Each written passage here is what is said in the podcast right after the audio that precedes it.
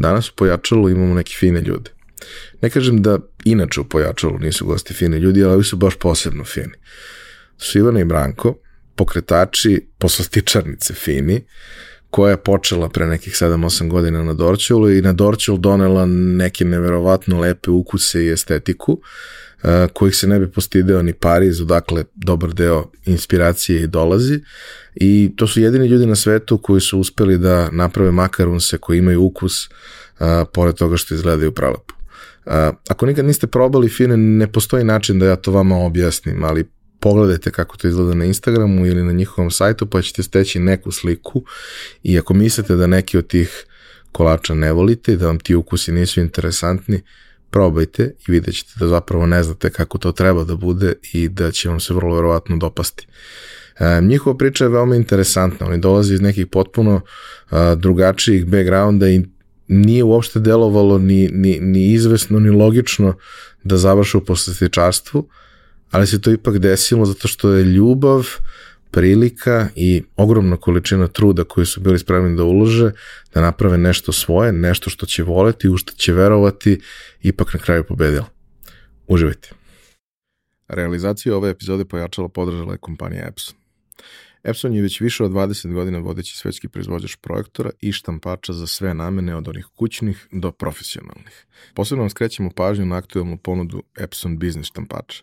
Naime, ukoliko je došlo vreme da kupujete štampače za vaše poslovne potrebe ili da zanovite trenutnu flotu štampača koju imate, obavezno istražite koja to sve rešenja Epson nudi, jer pored zaista sjajnih štampača koji vam nude besprekoran kvalitet otiska, mnogo manju potrošnju električne energije, mnogo manje otpada generisanog u procesu. Uz Epson rešenje uvek dobijete i celu paletu softvera koja se kod drugih proizvođača doplaćuje, a ovde dolazi besplatno za sve njihove korisnike. Za više informacija pogledajte businessprint.com, piše se onako kako se izgovara. Hvala vam. Ukoliko ste iz Sjedinjenih država ili sa severnoameričkog kontinenta, pojačalo možete svake nedelje od 20 časova po CST vremenu slušati i na viberadio.us. Novi partner našeg podcasta je advokatska kancelarija OC Law iz Čikaga. Da li imate nedoumicu u vezi sa emigracijom u SAD ili vam je potreban savjet advokata u vezi sa američkim vizama svih vrsta? Sve odgovore možete pronaći na osilaw.us ili zelanakarta.us. Za slučaj da želite da nas podržite vi individualno, možete da posetite link u opisu podcasta na platformi Buy Me A Coffee i tu možete kupiti mesečnu pretplatu ili jednokratno donirati neki jednost koji želite. Hvala vam unapred na tom.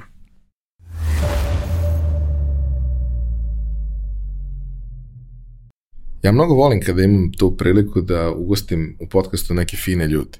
Mislim, većina gostiju ovaj, pojačalu jesu fini ljudi, ali vi ste malo više od toga, pošto je to i vaš brand i mi vas sve znamo i sve vas imamo upisane kao Ivana Fini i Branko Fini i vi ste stvarno, ovaj, kako ja volim da kažem, fini ljudi iz Čačka, koji prave nešto što ja obožavam i neverovatno cenim i vi ste jedni od onih ljudi koji u ovom gradu dajete dušu, aromu, Uh, nemam izraz na srpskom, ali flavor, možda može da bude flavor aroma, ovaj, ali jedno od onih magičnih mesta kojih je nekad ovaj grad bio pun, tih nekih zanatlija koji su, o kojima se pričalo i zbog kojih se dolazilo i zbog kojih su se radile neke stvari koji su među vremenu izumrli, ali se pojavila neka nova generacija čudnih ljudi koji prave čudne stvari i koji nam omogućavaju da recimo na Dorčulu pojedemo neke francuske kolače koji su bolji nego bilo kojoj tački Pariza ili nekog drugog francuskog grada. Ovaj, hvala vam što ste došli. Dugo želim da vas dovedem. Želeo sam da vas dovedem oboje zato što da niste oboje u toj priči, ta priča ne bi bila takva kakva je, a i da ljudi vide da uh, parovi mogu da naprave neke stvari. Imali smo do sad dosta uspešnih priča i da to što su napravili nešto sjajno ne znači da se baš uvek oko svega slažu 100%. Apsolutno. Pripremio si se za razgovor. pa ja sam vrlo posvećen kada su ovakve stvari u pitanju, a u vašem slučaju već dugi niz godina radim redovno istraživanje tržišta i kontrolu kvaliteta. A, dobro mi došli. A, Hvala. kao i sa svima, ovaj, sada već ljudi znaju čime se danas bavite, vašom porodičnom firmom koja se zove Fini, znamo je kao Fini RS ko želi da pogleda najlepši shop na svetu, ode na fini.rs. Ovaj, ali kao i sa svima, prvo pitanje je naše mančmelo pitanje, šta ste hteli da budete kad porastete? Ajde, prvo ti. Prvo, hvala što si nas ugostio i hvala na ovom predstavljanju ovaj, toliko da sam se ušećerila. ovaj, razmišljala sam o ovom pitanju i uh, ne postoji baš jedan odgovor.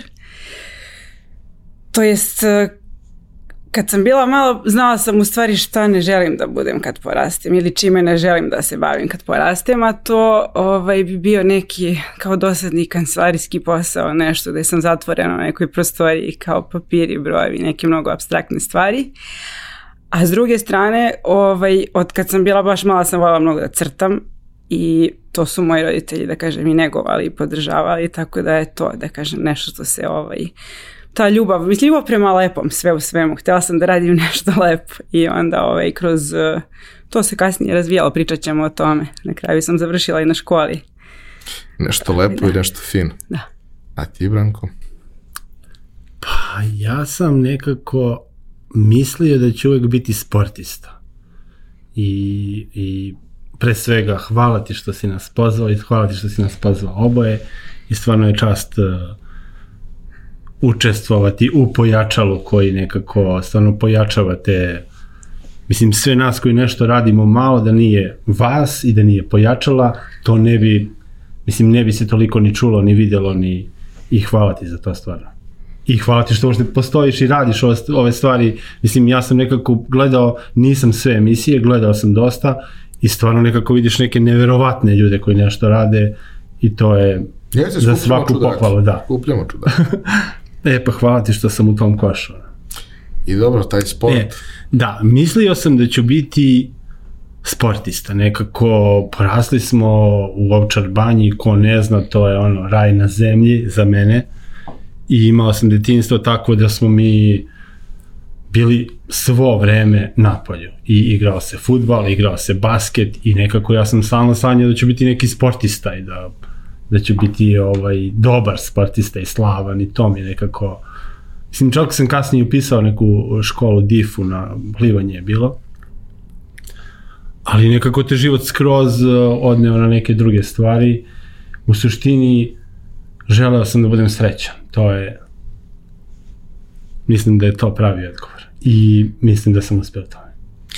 I ja mislim da si uspeo. Ja se, uh, pošto imamo zajedničke prijatelje, isto neke fine ljudi iz Čačka, ove, koji igraju... Izvini, vrlo... samo jedna digresija, ja nisam iz Čačka, ja sam iz Očar banje. Dobro, dobro, ali kroz školu i sve ostalo si upoznao Tako. ove moje Čačane, mada su oni prvo bili tvoje pa moje. Ovaj, I e, znam ja za svakakve neke nestašluke, ali dobro, to je sad, to je da, tema to je, o kojoj to ćemo je, ovaj, pričati. Drastanje, sad ovaj, kad se zezamo, ljudi kažu, ne znam, pominju razne, ono, razne škole, te Waldorf, te ova, ja sam bukvalno odrastao u Waldorf sistemu. Mi smo se zezali i to, znači da nije bila škola, to je bilo, to je bilo zezanje. Škola u prirodi. I ja sam tako nastavio da živim i tako ću živjeti do kraja. E, dobro, sad taj neki period e, škole i prvi put ulaska u nešto što je strukturirano znanje, obrazovanje, prvi put neke realne obaveze gde ti imaš i nešto što te zanima, ali imaš gomilu stvari koje te ne zanimaju, niti su ti bitne, a moraš ipak da ispuniš neki tamo, neku kvotu znanja da proguraš celu priču dalje. Ovaj, I osnovna i srednja škola uglavnom za većinu ljudi bila takva. Ajde, srednja škola možeš da imaš neko profilisanje, pa malo više bude onog što te interesuje, ili promašiš pa bude još manje. Ali to su sve neki periodi u kojima nekako imam utisak da smo svi izloženi stvarima koje bi trebalo da nas povuku na neku stranu. Pa nekog ne povuče ništa, nekog povuče previše stvari, a neko nađe ono što želi. Kako je to u vašem slučaju izgledalo? Pa ja sam imala priliku, ovaj, prvo porasla sam u selu, pa sam išla u seosku osnovnu školu do četvrtog razreda, mislim do kraja četvrtog razreda, onda moji roditelji su smatrali da treba da me premesti sad u neku veću sredinu. Ja imam tu, ne znam da li je sreća ili nesreća, ali imam neke razne darove, tako da kažem. I ovaj, dobro mi išla i matematika i crtanje i manje više sve sam mogla dobro da radim, ne, bez mnogo truda. O, ovaj, tako da onda su me oni presadili u veliku školu u gradu Ove, ovaj, I onda nakon toga, u, u toj školi sam imala stvarno sjajnog nastavnika, ovaj, on je bio u stvari veliki slikar, nastavnika likovnog i on je tu ekipu koju imamo da kažem i zajedničku negde iz Čačka, to su, ovaj, to su moji drugari sa likovne sekcije. tu smo se ovaj, prvi put da kažem zakačili za nešto što nije sad taj skup kao negde smestili su te u neko odeljenje pa si tu pa pripadaš nego po, nekoj, po nekom interesovanju zajedničkom. Tako da da kažem i pre toga kroz neke sekcije i sve to ovaj, van, van škole, to, ta ljubav prema, prema umetnosti, da kažem, prema crtanju i tako. I to se kroz osnovnu školu takođe negovalo, ali meni nikad nije palo na pamet kao da se usudim, da pomislim sad ću ja moći da stvarno da upišem, ne znam, slikarstvo i da se time bavim, a pošto mi to svašta išlo ovaj, dobro, gimnazija, onda matematički smer I tako da sam ja do trećeg razreda gimnazije mislila da ću da idem na medicinu. Ali? Ali, uh, e sad, to je moguće da, da to bombardovanje koje se desilo, ja sam znači u trećem razredu gimnazije, ovaj, stvarno nastalo to vanredno stanje i uh, ne ide u školu, sad kao ja sam malo izdvojena iz grada, ne viđam tu svoju ekipu i u nekom trenutku ja shvatim znači da moja najbolja drugarica i sadašnja kuma i, i kum takođe, oni sad idu tamo i spremaju se, ne znam, on za arhitekturu, on za dizajn, u domu kulture neke likovni sudi sad to mene ono golica me svrbi me kako ja sad da odem tamo, znači sad odjednom ta priča vratila se. I ja ovaj, uh, smislim da ću ja da se ponudim da budem njima model. Kao da ja vidim kako to izgleda. Međutim, kako su oni ovaj, toj našoj profesorki objasnili da dolazi ipak neko ko voli da crta, ovaj, a, a folira se kao da hoće da bude model. Ona meni da neki ugalj i papir i naravno kao posle tog prvog susreta ofazonu ti moraš da se spremaš i ja onda kao ništa, to medicina, odustajem potpuno znači od te priče I, o, i krećem sad na, spremam se za likovnu akademiju i, i dalje, tamo sam i stigla, mislim. To je bilo to, nije bilo alternative. Dobro, pričat ćemo o da. tome. Da. A ti sportista? Pa šta da ti kažem, meni je, meni je taj prvi deo školovanja od prvog do četvrtog razreda bio isto u Ovčar banji. I to je bilo nekako, to je stvarno bilo nezaboravno. Učitelj koji te bije, ali igra sa futbol sa tobom tetka Nada koja ti sprema krofne i sve što poželiš, ono, šerbe, čaj, donosi ti na čas ako treba, babe dolaze vire kroz prozor, da li treba nešto da se doda, nas 15, 16 uvek u učionici, prvi i treći gledaju jednu stranu, drugi i četvrti u drugu stranu. I to je bilo nekako druženje stvarno, ali ništa nismo znali. I onda dolazimo u Čačak u školu. I to je onako bilo sad borba, mislim uvek smo uh, potpuno zapuštena neka deca, ali ovaj, dovoljno smo inteligentni da možemo da se snađemo, jer smo tako da vreme 90-ih i rat i sve i nekako putovanje to do Čačka i vraćanje, nema autobusa, stopiranje, jedan dođe pa ubaci u kola, ono neči roditelj desetoro dece pa doveze, mislim to je onako taj deo, pa da. bukvalno snalaženje taj deo. A onda srednja škola, ona mi je baš značila zato što sam tu stekao prijatelje sa kojima se i dan danas družim i to su ovi naši zajednički prijatelji. I nekako je tu i čak i neki profesori sa kojima sa kojima smo se tad zbližili i dan danas se družimo i ta škola, to školovanje vezujem, to je bilo u stvari građevinska škola, visoko gradnje, nije imalo veze ni sa čim, što danas radim ali sam želeo sport i onda sam polagao prijemni na DIF-u, prve godine nisam prošao jer je bila neka konkurencija nenormalna. Bilo je, mislim, 600 nas prijavljenih na možda 50 ili 60 koliko se primalo. A onda sam upisao neki poseban smer plivanje i to sam studirao.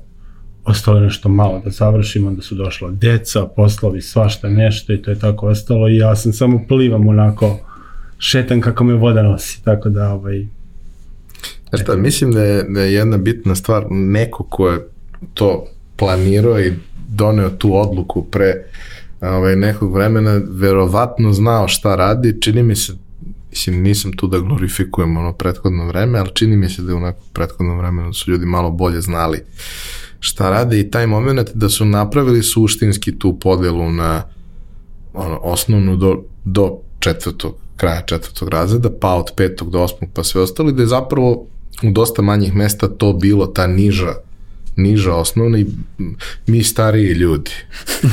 mi ljudi u srednjim godinama, što se sećamo crno-belog televizora, ovaj, znamo naravno ljude koji su takve stvari prolazili, jer mislim da je upravo to moment da ti ako si u nekom okruženju koje stimuliše i to, prvo ti, ako si u malom mestu, baš malom mestu, ti imaš svoje obaveze. To što ti ideš u školu, to je jedna stvar, ti imaš svoje obaveze, ti imaš posao u okviru domaćinstva. Ovaj, ne zezaš se, ne, ne sediš kući i ne gledaš televiziju i čitaš stripove. Možda čitaš pomalo i to, ali imaš svoje obaveze.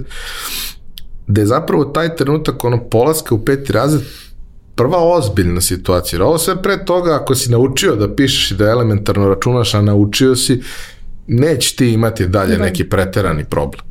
Ali to, peti do osmog već počinju da se rade kompleksnije stvari, dublje stvari, matematika više nije pijačna matematika koja ti treba svakodnevno, nego su to da. neke malo naprednije stvari, a onda dolazi srednja koja je zapravo, kažemo, prvi neki test iz zrelosti i toga e, šta možeš da uradiš uz koju količinu truda. Jer ja stvarno mislim da ono, deca koja su imala široka interesovanja, ono, ja to kažem deca koja su odrasla na dečijem sveznanju, koje pročito dečije sveznanje, nije morao da uči ništa prvih osam razreda. Ako si znao dečije sveznanje, mogu se da budeš vrlo dobar samo na osnovu toga. Ali onda dolazi srednja škola gde ti stvarno moraš da stekneš neke radne navike ili da nađeš način da se provučeš, ali ako se provlačiš, to nije dobra polazna osnova za nešto dalje, odnosno verovatno ćeš da ostaneš na toj srednjoj školi. Ali taj, taj trenutak kada se um, ljudi odlučuju za fakultet, kad treba da prelome, da naprave taj skok i iskorak u obično u nepoznato, u svakom smislu i ozbiljne obaveze i prvi put imaš neke ozbiljne troškove u životu koje moraš da, da, da ispuniš, nađeš način kako da ih ovaj, rešiš da bi, da bi bio i u drugom gradu i sve plus obaveze i sve što uz to ide. Uh, to je ono neki pravi test zrelosti i tu vrlo često ono, porodice prvi put e, pokažu koliko u tebe veruju time što iako je jako teško ti izađu u susra da ti probaš da uradiš to nešto svoje što, što ti je važno. Sad, u, u vašem slučaju Mislim, ja ne znam kako je to bilo u vašim porodicama, ali i dan danas kad neko kaže da hoće da ide na DIF ili na umetnički fakultet, ono, svi su u fazonu, a dobro, srećem, ima još jedno dete, pa će valjda neko tu da bude normalan, jel? Ovaj, pritom se to jeli dešava sve u nekom vrlo turbulentnom i teškom periodu, ajde, na izlasku iz tog perioda, ali i dalje u vrlo da, da, jedna, jedna situacija, moja majka sad, tu su o, naši zajednički prijatelji Vula i Trifun i kaže Keva, pa šta ćeš ti? Vula da upišeš, kažem, pa ja ću istoriju umetnosti kao i stopa, šta ćeš ti Trifun, pa kaže ja ću ne znam grafički dizajn, dizajn, grafički dizajn, on se već tu sprema. Pa šta ćeš ti Branko? Kažem, pa nemam pojma, keo, ono, možda ću kafanu da imam, joj, nemoj sine kafanu. I onda posle toga je div delovo super. da, da. Tako da, ovaj, eto, na kraju imam i kafanu. Fino neko. Kako je to kod tebe bilo? Pa kod mene je bilo tako da ja sam jedino dete ovaj, u porodici, nisu imali da se nisu nadaju backup, backup, tako je. ovaj, majka je uvek bila malo, da kažem, racionalnije i kao, pa dobro, super je to, znaš, ali možda neka stomatologija, ono, to fino je, oblikuješ tamo neke zube, ali se zarade neke... To je to isto. Da. A tata je ovaj, podržavao, mislim, što se tiče slikanja i to uopšte umetnosti i tog freestyla, da kažem, u životu, pošto je on takav lik, jel, mama je držala, da kažem, ipak kuću mora neko da bude taj. Ovaj, on je to podržavao, ali mi se čini da su oboje shvatali da nemaju baš izbora. Ja kad nešto zacrtam i zapnem, znaš, kada sam štreber po prirodi, nisam bila štreber oni što sedi i uči mnogo, ali kad nešto rešim, to će da bude. Tako da u stvari su me podržali i kako im je bilo, tak, tek sad mogu pomalo možda ovako da, da zamislim, jer evo naša starija čerka ima 17, završava treći razred i ja razmišljam o bože, ono šta li će biti, ona će hteti da se školuje kao Sad, mi smo organski imali tu iz drugog smo grada, iz malog mesta i sad ideš da se školuješ ili u Beograd ili Novi Sad, mislim neki univerzitetski grad.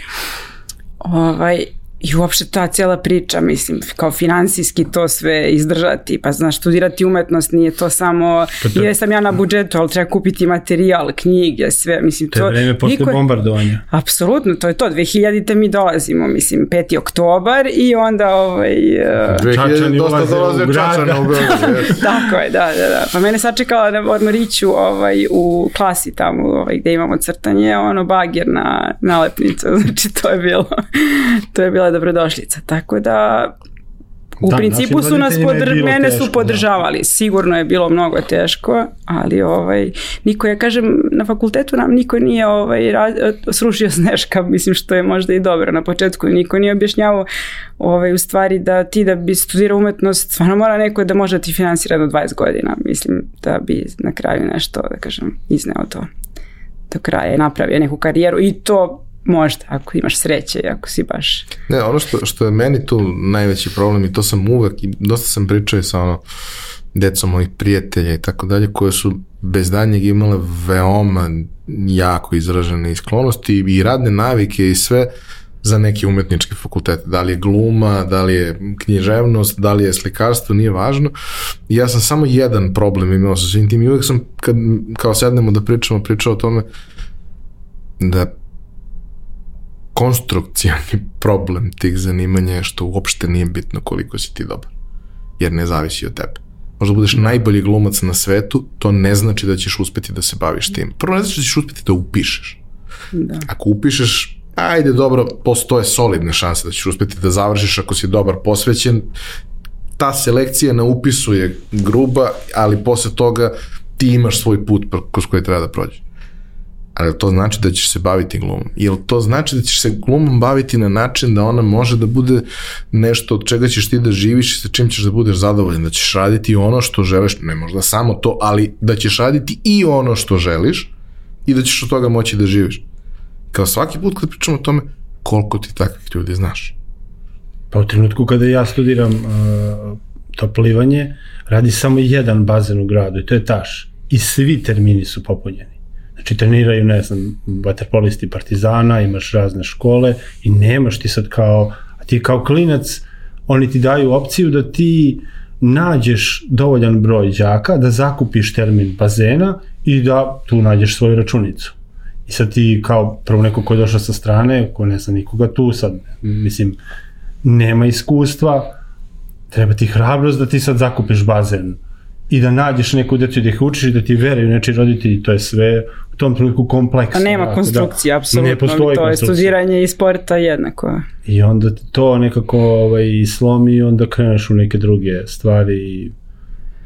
Mislim, lepa stvar je što u većini tih slučajeva ti stekneš neka znanja i veštine koje imaju veoma dobru primenu u drugim stvarima. Ja znam ljude koji su studirali glumu, koji su fantastični u uh, trenzima javnog nastupa, dobri komunikatori, odlični PR-ovi, taj neki deo stvari gde je komunikacija važna, ne kažem da, da moraju da glume u tim situacijama, ali pomaže što umeju. Da. Nauče i da se izraze, nauče i da pokažu, nauče i da prime informaciju, svašta nešto nauče ako pričamo o glumi, takođe koliko, da kažem, slikarstva ti naučiš jedan ceo set veština, naučiš mnogo o estetici, o tome šta, kako da napraviš nešto što je lepo ne samo tebi, nego nešto što je univerzalno lepo ljudima i prihvatljivo. Upoznaš se sa mnogo nekih stvari, znači kao i, i Vule sa, sa, sa istorijom umetnosti, niko se ne bavi istorijom umetnosti. Mislim, ima, ima sedam ljudi na svetu da, koji se da. bave time i to je to ali ti kroz to dobiješ neku dubinu i širinu koja ti omogućava da se baviš drugim stvarima. Problem je samo što ako u glavi nemaš taj moment da ti radiš to da bi ti se otvorila mogućnost da radiš nešto potpuno deseto i da ovo suštinski na neki način moraš i da odbaciš, iako je bio tvoj izbor, ti si onda u, u, u nekom vrlo nezgodnom položaju zaglavljen i možda ostaneš zaglavljen godinama i da promašiš život i priliku. Ja mislim, ako mogu sad da upadnem, nas dvoje smo na sličan način, da kažem, odrastali uh, u naše porodice su imali, roditelji su radili nekakve poslove, državne da kažem, ovaj, ali kako je nastala ta kriza, ratovi, oni su bili preduzimljivi jedni i drugi, pokretali su neke svoje male biznise. Znači, nije se računalo samo, oni jesu deo te generacije koja je na neki način, mislim, urušena to gde, gde su samo im govorili školujte se i čeka vas posao i kad se zaposliš u državnoj službi, to je to, završio si. Mislim da i jedna i druga porodica su imale u tom smislu dobru, ovaj, sličnu tu priču, to je da smo mi porasli u tome da, uh, da nam nisu to pričali, nego prosto svaki pošteno urađen posao je dobar i kao nemoj da se libiš toga i evo mi radimo i ovo i ovo, snalazimo se, moji su prosto radili u firmi, pa radili poljoprivredu, pa napravili neku malu kao piljarnicu, sve to, svi smo mi učestvovali u tome. Uključeni Hoću kažem, bili... naučili smo da prosto to zašto se školujemo ne znači upravo o čemu pričaš, da, da ćemo baš to i raditi, a ja mislim da je to sad najvažnije kad razmišljamo kao deci, pa šta bi sad oni, kako ih, ako treba nešto da ih posavetuješ, ja mislim da svaki čovjek treba da uči i studira ono što želi, zato što je to vrijeme kad najviše, mislim, možeš da primiš, da se proširiš na sve strane, na sve dimenzije i da to stekneš neke veštine i širine koje ćeš kasnije primijeniti na ko zna šta, gde će te život odneti, tako da Mislim da to za ovu priču preduzetništva, ta naša predistorija je slična i važna u stvari da smo bili smeli da se A mislim, upuštamo. naučeni smo da radimo i da sad ako si nešto poručio, mi moramo to da uradimo. Nema, radno vreme mi je do pet. Mi smo tako naučeni, to mora da se završi. I dan danas tako funkcionišemo i to nam je usađeno. Mislim, i to je nešto što, ja mislim da ljudi kod nas prim, ovaj, osjećaju da imaju poverenje kada smo se nešto dogovorili da će tako i biti. Za nas vreme ne postoji, mislim, mi smo se odlučili tako, radit ćemo od danas do sutra, ali ti ćeš da dobiješ tortu i to je to.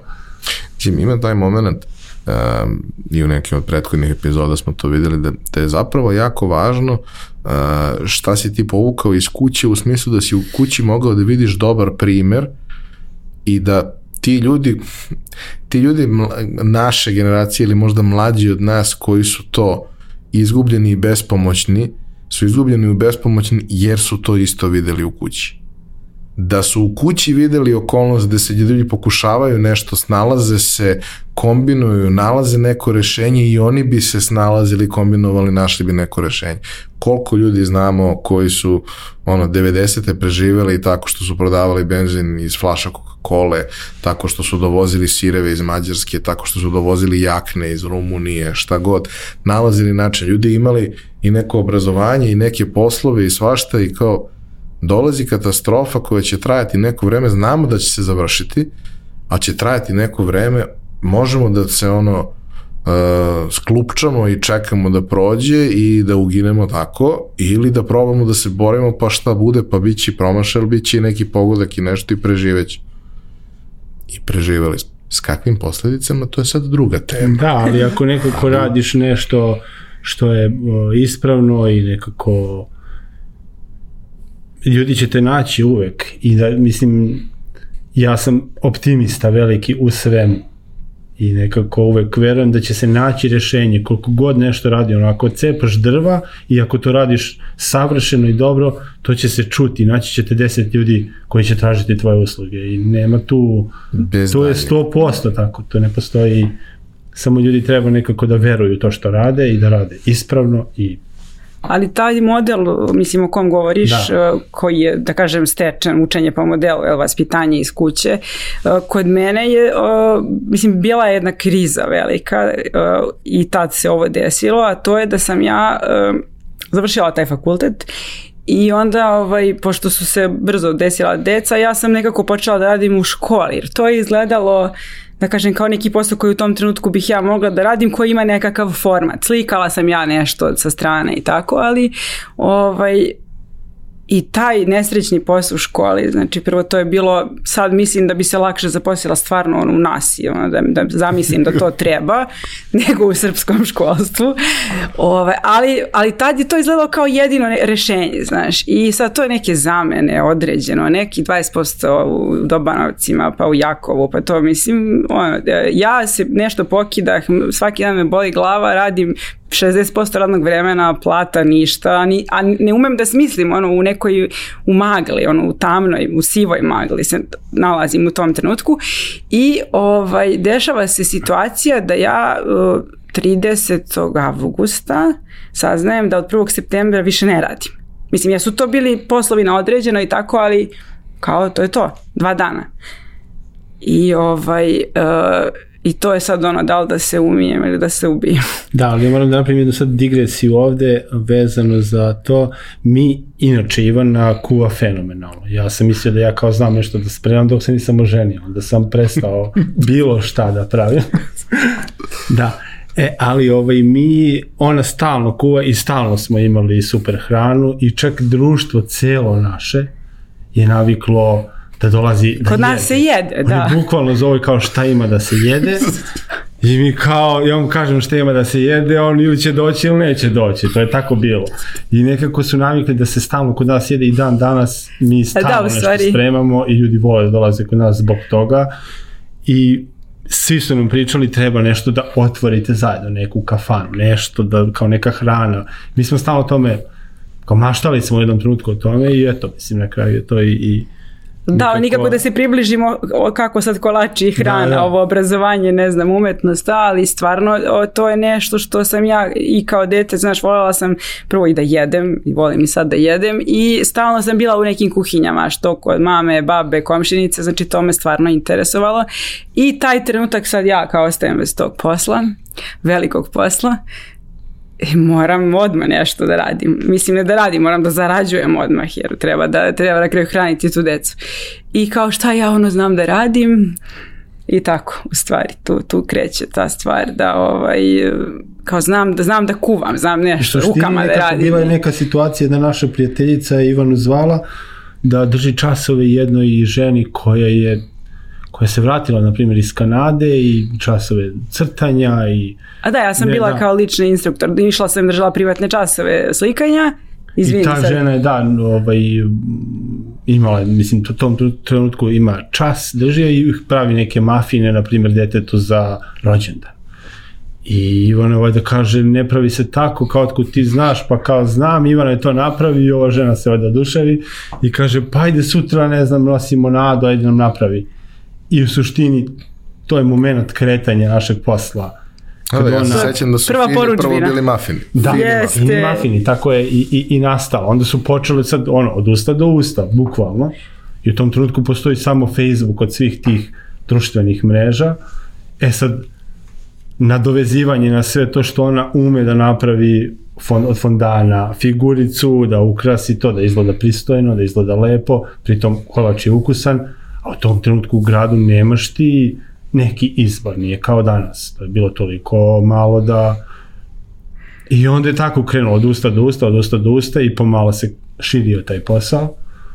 Ja ubrzo shvatim da mene mafini uopšte ne interesuju. Da. ja neću da imam veze s tim, da. ali onaj ko je u tih tri, ja mislim da nije to trajalo duže od 3-4 meseca, to, taj naziv. Da, zvali smo se 3-4 Ko je tad, ko je tad saznao i zapamtio I dan danas. Zalepila se. I... Dobro, rimuje se. Da, da, rimuje se i tako, da, da. Tu je priča krenula, ali mislim da ćemo još.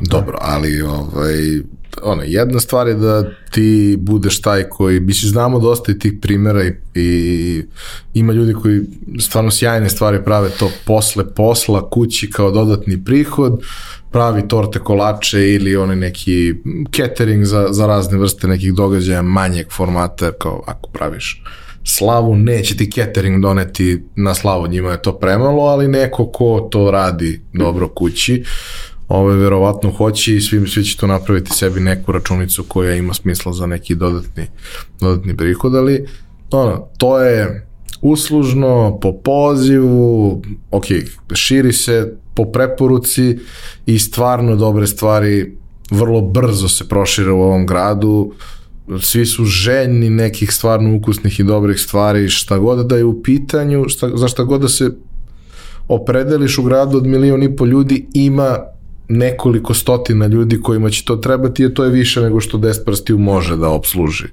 u nekim okolnostima, ali kao, znaš, to je neko, i dalje neko klackanje.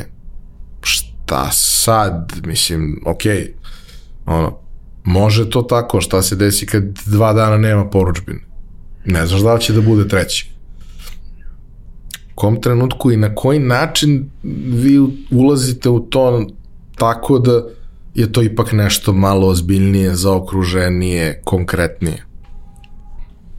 Ja. Ajde. Pa ovako, ja sam krenula da pravim te kolače u stanu, ono, maloj kuhinji, mislim mali stan pa još manja kuhinja i ovaj, uporedo sa tim, ja sam imala neki posao, pošto sam ja ovaj, slikala ikone, da kažem, to mi je bio neki dodatni interesovanje, a onda i način da imam neki prihod.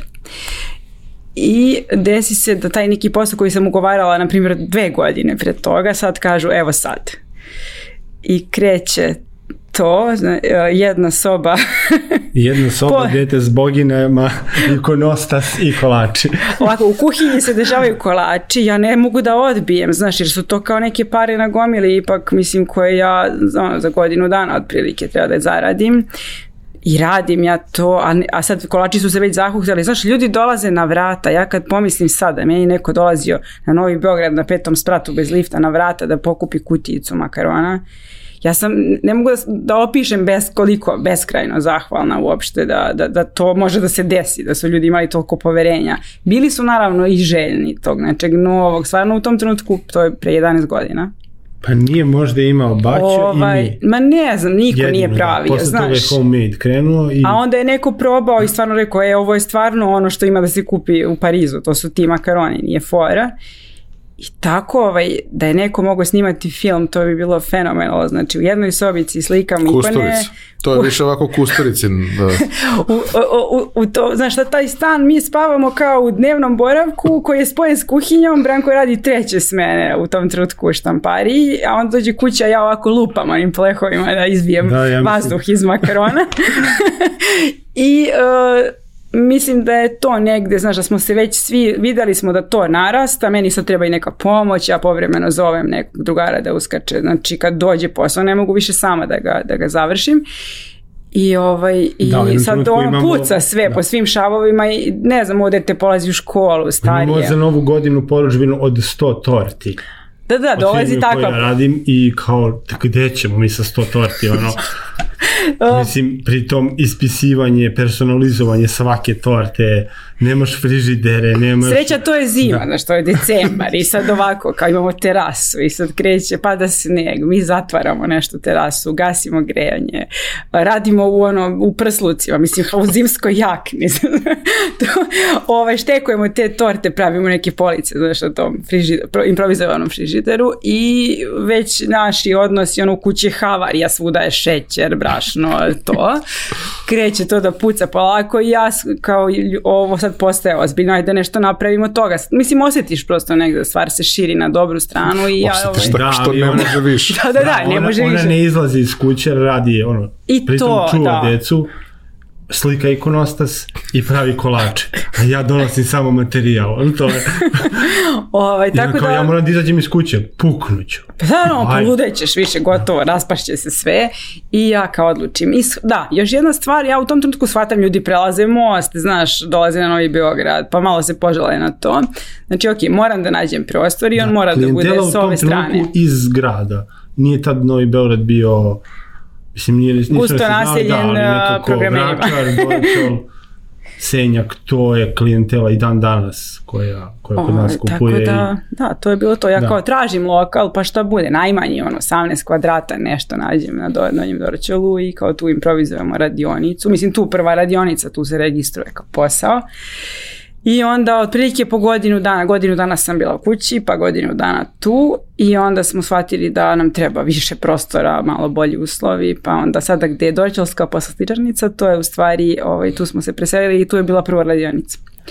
I tu onda dolazi još ljudi i tako kao stvar se širi. Pa onda kao nema gdje se sedi, pa ovaj prostor ima baštu, pa sad uh, glupo je da ne, ne koristimo to, onda to pretvaramo u poslastičarnicu, traži drugi prostor za radionicu i tako dalje onda za par onda godina. Je, onda je Ivana doživjela novi šok kada mi podižemo prvi kredit. To je bilo onako pakleno jer je bio kredit za, za tada u tom trenutku za naše promete i uslove, to je ogroman kredit i kao da li ćemo moći da vratimo da nećemo. A zašto ste podigli prvi kredit? Da pretvorimo Pa invest je bio Da. u stvari. Kupili da smo napravimo opremu, poslastičanicu i da kupimo opremu. znači malo preuređivanja tog, da kažem, enterijerskog, ali najviše je bilo opreme i to je bio prvi kredit, evo ga za mjesec dana se pozdravljamo. Kaže nama ovaj, Atina u tom trenutku, to, je bio, to, to me onako baš i šokiralo. Mama, kad ti budeš vratila kredit, ja ću imati 17 godina. Znaš, u tom trenutku ima fazon, š, ne znam koliko ima, eh, 10. danas. Ovaj, što je izgledalo kao večnost, ali evo da. Je- Jedna je prošla, sad vidjet ćemo. E, volio bi i ti, Branko, da mi kažeš malo u celom tom e, procesu gde tvoja e, tvoja luda žena radi po kući sve te stvari, a ti si taj koji je facilitator da bi se stvari desile, jer tu ima mnogo toga što mora da se desi. Treba da budeš e, da kažemo podrška i sve, treba da budeš neko ko e, će možda često biti taj koji je u kontaktu i sa, sa onim ko prima taj proizvod, da dobije neku povratnu informaciju stvari su lepe. Znači, ljudi su oduševljeni, razlog zašto je to raslo i zašto su se javljali, zašto ste kidali. Mislim, to, to i dalje kidate, zato vas ljudi vole.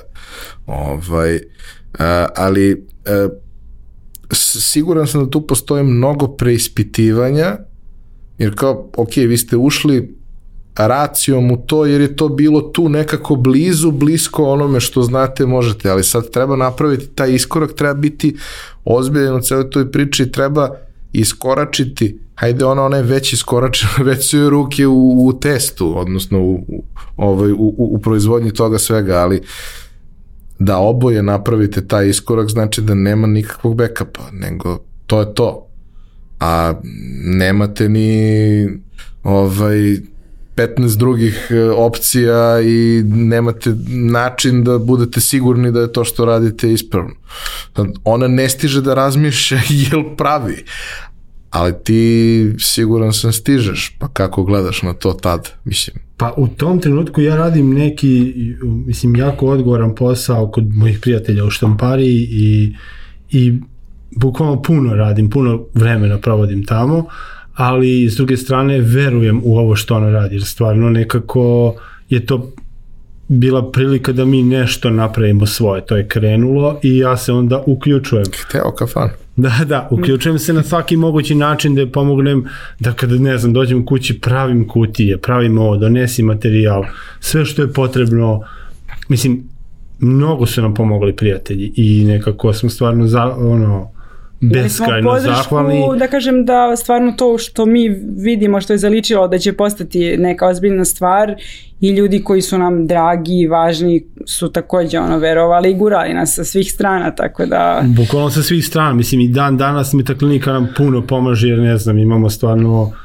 fenomenalne i kutije i dizajn i sve i eto i za taj sajt smo dobili nagradu za koju su oni zasluženi, a ne mi na kraju krajeva. Vidi, mogli su da nacrtaju najbolji sajt na svetu, da nema onih proizvoda, Tako na je, njemu da. ne bi on bio toliko dobar.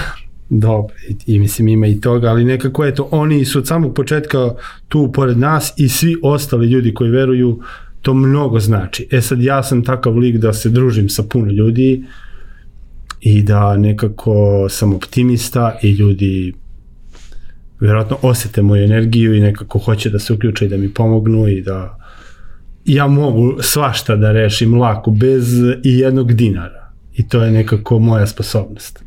Da, da, Da, znam da si ti je- taj ono handyman, je bi ga za Tako je, a s druge strane na tom poslu sam naučio, pošto sam ovaj, radio sa nekim mašinama kompleksnim, naučio sam svašta da popravljam.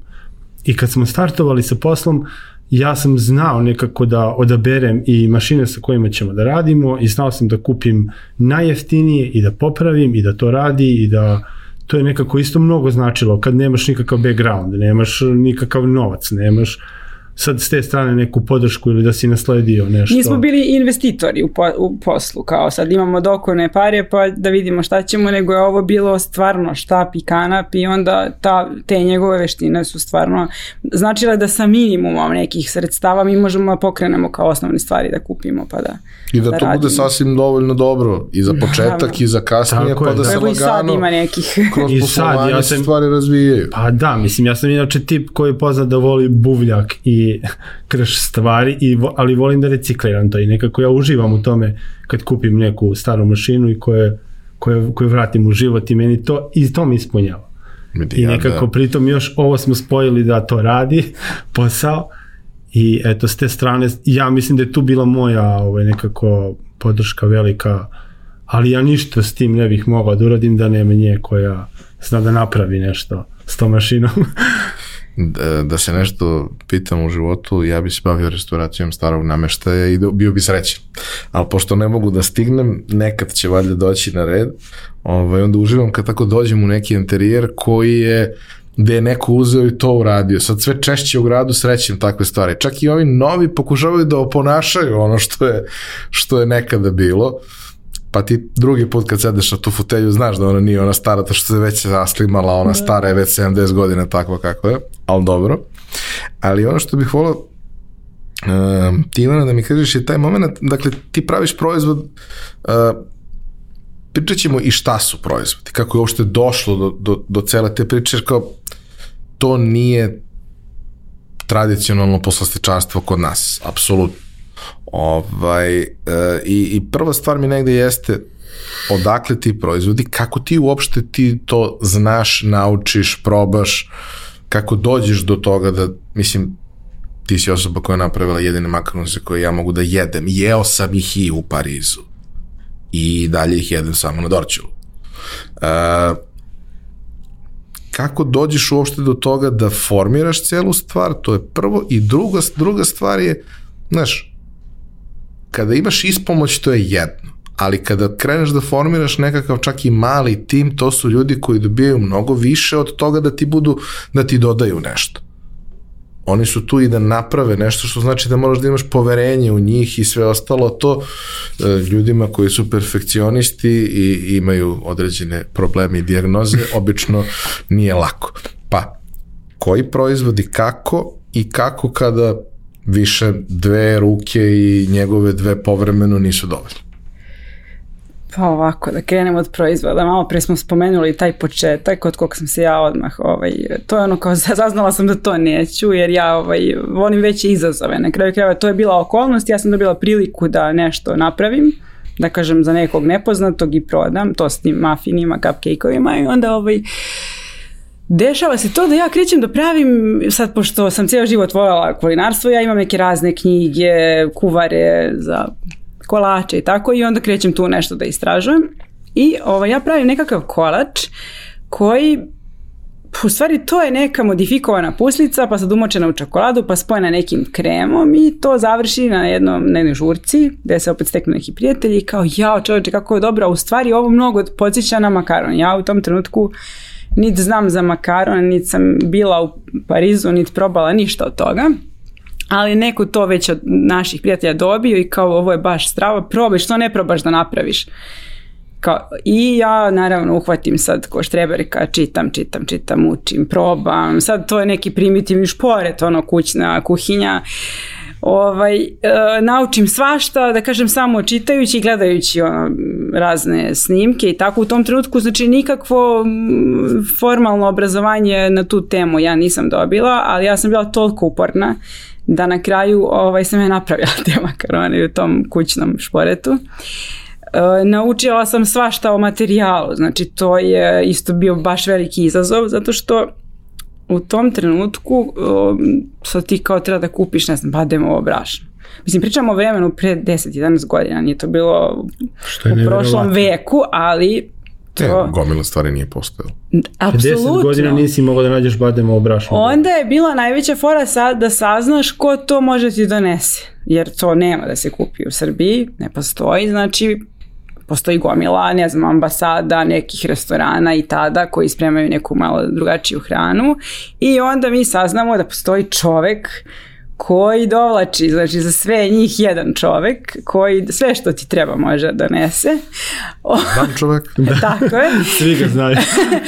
I onda je bilo daj kao ovaj, idem tamo, daj donesi pa probam, ovi bade mi, oni bade mi. E, u svakom slučaju ja ovaj, rešim da ću napraviti te makarone i, i ispadne to posle 2-3 meseca nekako uspem i, i shvatim da je to dovoljno i zanimljiv, mislim i zanimljivo i stvarno teško ih je napraviti i kad napraviš dobro stvarno je dobar, uh, navuče se čovek, znači dobra tekstura. Ali da čitaš kremovi. o tome, svi kažu ti uh, kuvari osede naprave, da, da naprave. Kao kolač od da. koga sediš, to je to, znači koji te, koji te možda ti uništi život, jer sad vlažnost vazduha, koliko su stara belanca, kakva je viskoznost, da li si premi, premutio taj šam, koji stil pravljenja, sad da ne davim mnogo tehnologijom, ali ovaj sve su to stvari koje koje utiču na na taj krajnji proizvod i eto to je ovaj onda meni bilo baš tako kao da kažem izazovno dovoljno i super izgledaju na kraju ti kolači jer svaki ukus ima svoju boju i to je negde sad to igranje da kažem na neki način je to likovno.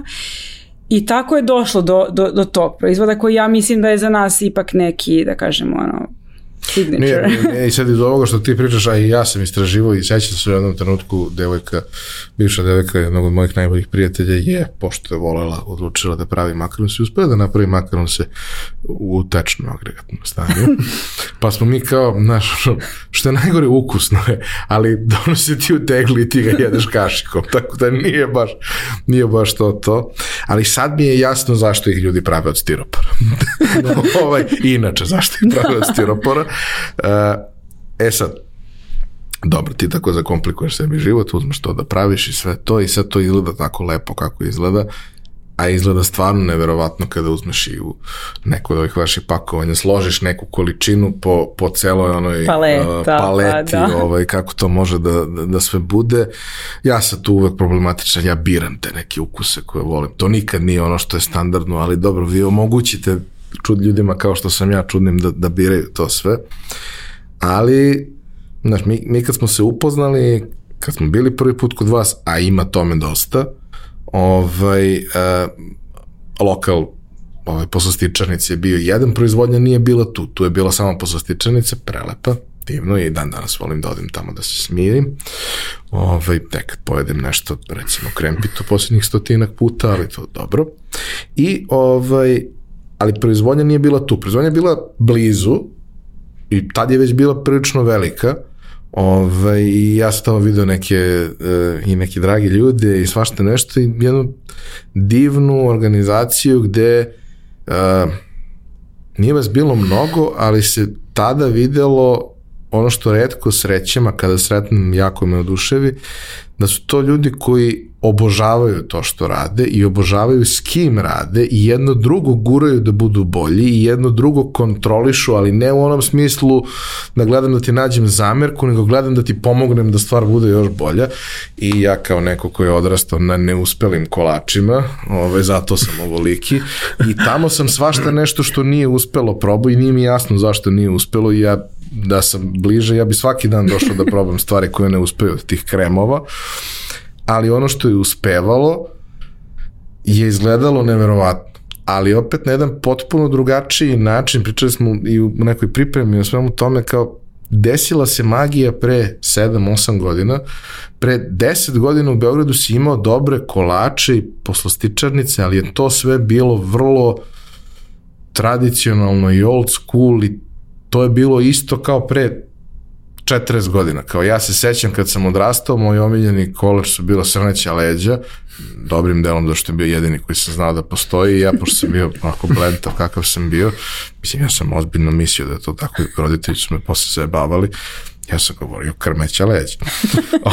ovaj, ali kao, znaš, ja, ja sam, nisam čuo da srneća leđa postoje već 20 godina ali to je bio default, krempita, šampita, srneća leđa Baklava. i... Bak, ok, da, naravno, Da. baklava, tulumba, ali kao to je to, ima 5, 7, 10 kolača i možda negde ima onaj jedan što imaju samo oni i to je to i svuda izgledaju isto, svi si ukus isti i sve dobro, ali sve isto. A onda ti se dešava u Beogradu da se pojavi, uh, pojavite se vi, pojavi se mandarina i jednima i drugima govore, a pa to ne može, to neće niko, u, to je mnogo malo i mnogo skupo, ma vi niste normalni, pa ko će to? I onda se ispostavi da mislim, niste vi normalni, ok, ni, ni vi, ni oni, ovaj, ali ste moji, ja vas mnogo volim i ima sasvim dovoljno ljudi koji zaista to cene i koji su počeli te stvari da doživljavaju ponovo na jedan, ja verujem, jedan ispravan način, a to je, jeste to malo skuplje, jeste zahteva malo mnogo više truda nego običan kolač, ali ti onda zato ideš tamo da se nagradiš zato što si uradio nešto dobro. I onda to ima jedan poseban osjećaj koji to nosi.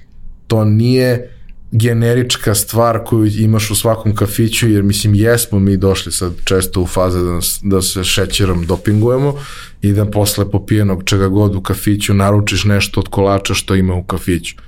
Ali to nije ritual, tu, to, za to ne odvojiš pola sata, što se kaže, za to ne platiš parking kartu.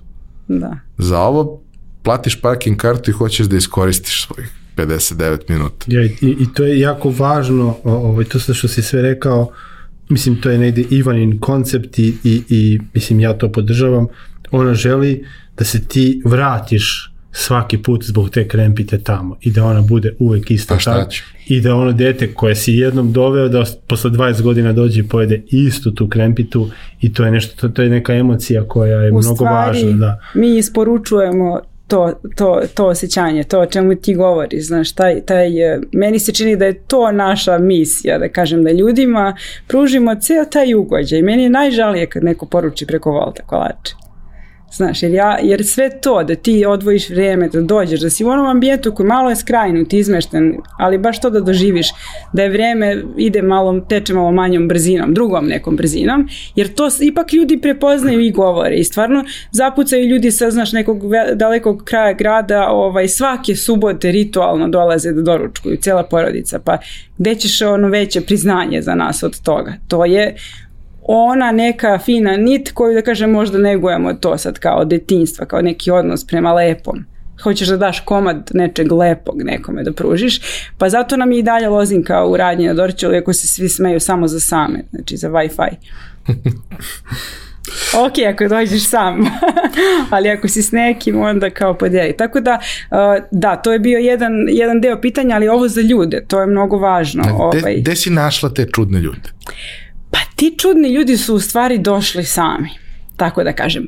Pošto ja nisam iz profesije, znači ja nisam školovani poslastičar, Ovaj, i, I tu je onda ta strast moja prema, ovaj, prema svemu tome uh, presudila da kažem da to izgleda kako izgleda. Tako su dolazili i drugi ljudi. Na prvom mjestu Jela koju ti poznaješ, ona ovaj, ona je tu prva došla kao još jedan par ruku, da kažem, žena se bravila isto tako nečim lepim i uh, mi smo sarađivale u stvari na istim nekim projektima. Isto iz Čačka, ali nismo se znali. To je zanimljivo, mi smo se upoznale tu u Beogradu. Da, ovdje smo se našli kroz posao. Ovaj, I onda kao, pa ajde ja da ti pomognem, kao, pošto ona nema stalno posla, to su neki povremeni angažmani, zovi me i tako. I ona dođe i potpuno se zaljubi. A sad jedini problem je bio, uh, žena je ovaj, živela noću a mi moramo danju da pravimo kolače, kao i naši kupci u tom trenutku nisu bili samo fizička lica, nego bude i neki kafić i to kao moraš da komuniciraš.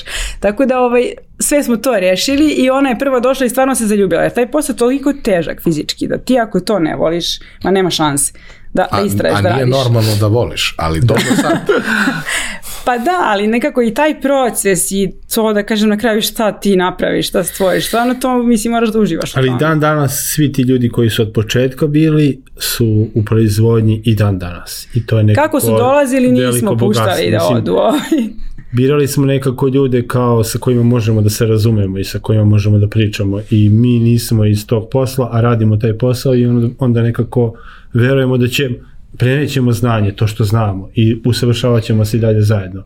Ali bitno je da možemo da se razumemo i da dolazimo na posao, da se radujemo, da se vidimo, a ne sad ti si meni nadređen ili ja tebi, ono, ceo dan smo savili glavu, ovako ćutimo i nešto radimo. I gledamo da se izbegnemo. Pa da, e, i nekako to nije i dan danas i moj utisak je bar takav da ljudi dolaze stvarno jer nije im teško i vole to što rade i sad teško je fizički stajati 8 sati, ali nije ti teško to što radiš, nije ti moraš nešto da radiš, tako da šta, to je posao. ovaj, ja, ja sam iz digitalnog, iz tehnologije, iz marketinga, ali sam sticam niza nesečnih okolnosti otvorio i niz nekih biznisa i učestvovao u nekim biznisima koji su u fizičkom svetu.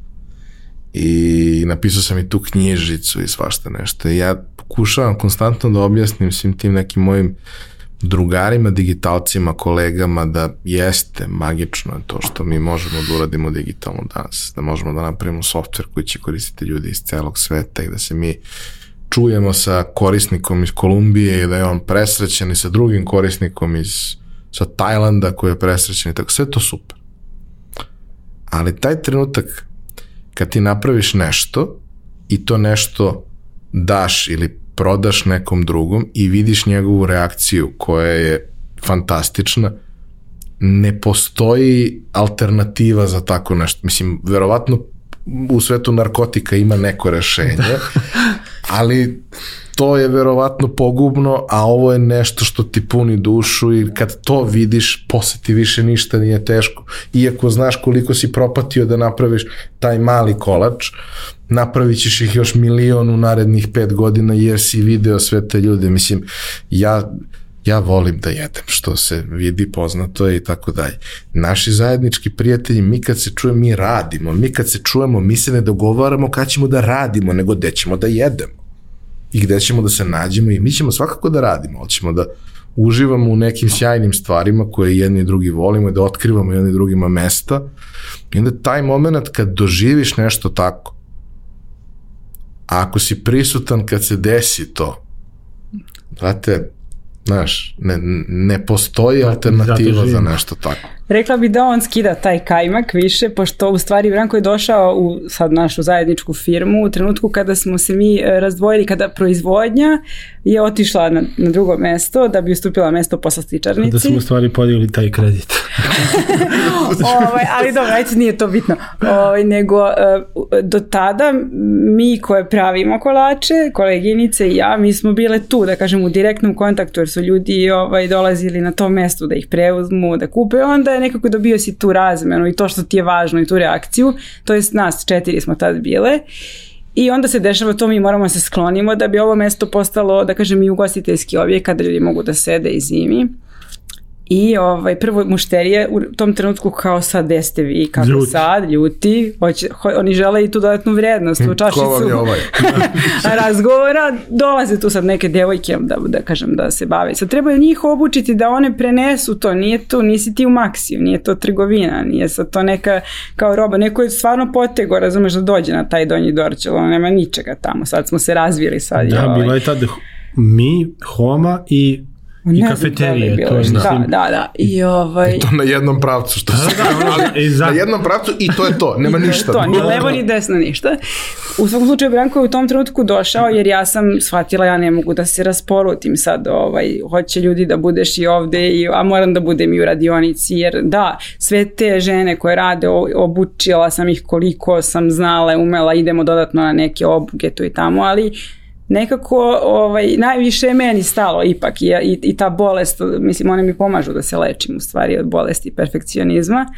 Za, začas ono, za, za par dana To krug ja postane elipsa i tako dalje. Tako da je onda u stvari Branko preuzeo ovaj deo uh, koji mu i leži i mnogo više nego meni i prirodno je da bude tako, a to je da bude sa ljudima i da opet, uh, da kažem, predstavlja nas tamo. Da ima kafanu. Da, I da ima kafanu, tako je. Tako da on vrlo često kupi taj kajmak, hoću da kažem, ja kažem, baš to mi nisi rekao, ispriča mi posle pet dana kako se neko oduševio, pozdravio me, ne znam. ja sam čak, mislim, i dan danas to radim i nekako mi isto to važno bilo da da ja odvezem, ako neko poruči tortu, da mu ja lično odnesem. I znam i ko su mušterije i tu razmenimo par. I to ljudima znači isto kada razgovaraju sa gazdom, ono, kako bih ti rekao. I to je nekako meni je značilo da upoznajem te ljude i srećem ih po gradu i stalno razmenjujemo i onda ja sad sa svih strana, e, bila je super torta, e, uživali smo, e, deca su bila srećna, ja sam svaku petu kažem, e, oni ljudi su te pozdravili, bila je super torta, pa što mi to ne kažeš nekad? A kako je tebi bilo da, da, da, da iskočiš iz onoga? Mislim, ok, digli ste kredit u red, Ali, znaš, ipak treba ostaviti neku sigurnost i neki backup koji imaš, jer ako se nešto desi, ipak imate tu platu, pa nekako ćete preživeti i sve. Znaš, jeste, Bilo je teško, ne mogu da kažem da nije, da nije bilo teško, čak i dan danas radim za tu firmu, ali potpuno nešto drugačije. Ali ovaj, bilo je teško u tom trenutku jer sam ja tamo de, sedam godina koliko sam radio i malte ne smo od samog početka ti prijatelji, preskočili smo jedan deo naše priče kada smo se mi vratili iz Beograda. Rodilo se dete, vratili smo se na tri godine, živjeli na selu i to isto bio jedan zanimljiv deo, e onda su nas prijatelji zvali da se vratimo u Beograd i ponudili mi posao. I to je isto bila onako jedna teška odluka Luda. jer smo mi u tom trenutku imamo svoju kuću, imamo hektar i 400 dvorišta, ono, o, peščani, onaj, kako se se zove, za decu. Da, da, sve jedno Znači, ovaj, sve je bilo izgleda tu- bajkovito, ali tako Ali su živimo stvari... ko Pepa Prase, na vrhu brda, kad zaveje sneg nema izlaska dok ono ne uzmeš lopatu prvo pa da e, raskrčeš put. I mi se vratimo tad u Beograd i ja počnem da radim u toj štampariji. Od samog početka taj neki sektor je bio neko štampanje računa, ona dobije posao to u školi i to je bilo onako hoću, samo sam htio da, da naglasim da sam ja od samog početka bio u tom sektoru i tu sam napredovao dosta i svašta sam tu znao da radim i onda je trebalo da se otkačim od toga. I tim ljudima je bilo teško da ja odem i meni je bilo teško Nisu da ga odem. ni pustili ni dan Da. danas. I onda je ovaj nekako mislim pritom su mi to i prijatelji jako bliski, a s druge strane ovo se sad razvija ja vidim da ona ne može da izdrži ni psihički ni fizički. I, kao ušli smo sad u taj kredit zajedno smo doneli tu odluku i ja moram da pomognem. Mislim nema sad druge opcije nego da dođem tamo i da da se borimo, to je to. I da verujem u to što ona radi. I ako ne verujem nekad sve ja bih drugačije ali s druge strane u, u, u samoj srži sve je ispravno što radi možda bi ja ovim putem ona oni Možda ja bi ja lakše. ja bih možda prečicom ona neće prečicu i onda je sad to je sve isto deo možda je da, da, da, da, da smo isto mišljenici 100% možda to sve ne bi ni bilo tako Ja sam siguran da ne. da. Jer, ono, ne postoji ništa bolje nego kada imaš dvoje ljudi koji se vole i poštuju i koji jedno drugo challenge sa najboljom namerom. Pa da, eto, ja jedna sam da najveći ti- kritičar u našoj firmi, najveći. I znači ja sve probam i kažem ovo ne valja, on šišti, kaže sam bezobrazan. Tako, ali ja nekako samo želim da bude to boš. Šta ne valja? Šta Pa mislim, ti? to one probe što ti pričaš. Neuspjeli kolači. Pa da bi došao do nekog kolača, moraš da ga napraviš bezbroj puta. Da pom... Fino štelovanje. Fino štelovanje. I onda sad kada dođemo skoro do nečega, ja kažem meni ovo nije mi to to. Ne osjećam ovaj ukus, ona kao šta osjećaš. Pa ono. ima on nadimak u našoj firmi, znaš to, osjetljivo nepce, evo ga, osjetljivo nepce, evo dolazi, kao pazite se sad. Ali, Ali dobro, vremenom se stvarno istanča ukus. Mislim, ja nekad sam mislio da je najlepša želja najbolja čokolada na svetu. Šta nije? Pa mislim, ima i bolje. Nađeš to. ovaj, ima tu uh, ta jedna stvar što uh, prosto kada pričamo sa ljudima i sad ne znam uh, postoji postoji mandarin. Kolači su takvi kakvi su, izgledaju tako kako izgledaju, imaju svoju priču, sada imaju i razne druge proizvode, ne samo komadne kolače i torte, svašta nešto se tu razvijelo, pričalo, pričao i Krsto o tom. Imamo sa druge strane u vašem komšiluku senku i speci pa reci koja je svoja priča koja je takođe divna, mala, interesantna, zabavna, ja nju mnogo volim, volim to što radi, mislim da je srećna u svemu tome, iako sigurno nije baš ni to lako. Ovaj, Pitanje njenog muža. Zna, pri, pričam povremeno. Mi smo se upoznali tako što je meni prišao na jednom, na jednom sastanku i rekao ti mene ne znaš, ali moja žena tebe obožava. ovaj, I onda smo ušli u neku priču, da smo shvatili da se znamo iz posla, se nismo nikad videli ovako i nebitno. Ali to je ono kao, ona pravi to što pravi. Ti ne možeš da dođeš kod nje i kažeš dobro napravi mi nešto što potpuno nema veze sa tim konceptom. Ona prvo to neće. drugo Mnogo želi- ti hvala Jovane što si pokrenuo ovo pitanje. E, ovaj, i, i, I to što vi pravite već sam rekao, trenutku kada počinje cela priča, to je prilično nepoznato. Ok, makar on si počinje da se pojavljuju iz razloga što počinje taj moment uh, iskorišćavanja kolorita kod slatkiša kao nešto što je interesantno. Jer kao, znaš, uh, hoće jednoroga na 18. rođendanu, pa onda ako nemaš baš jednorog, onda može makar duga ovaj, u, u kolačima i sve. Počinje ta priča, ali sad ti makar se možda nađeš na mestima na kojima se prave najklasičniji, najdru, najčudniji kolači, najuobičajniji, uopšte nebitno, može bilo gde da ih nađeš. One od stiropora. Ovaj, ali ono što vi pravite u suštini najviše podsjeća na neki francuski pristup celoj ako nije ni to jedan na jedan to, ali kao kako razviješ gamu proizvoda, kako uopšte dolaziš do toga da ono kad ljudi dođu imaju izbor i sad ok, svaki put kad dođem ima nešto što pre toga nije bilo, ali postoji taj neki osnovni set koji je prilično širok i kad je prilično širok treba ga proizvesti treba Tako. osmisliti, testirati, napraviti nešto što neće drastično da varira u toku sezone, jer variraju sirovine sve prirodne u toku sezone i tako dalje. Kao, kako se to širilo i kako bi ti uopšte opisala šta vi radite osim što ste fini ljudi, to znam.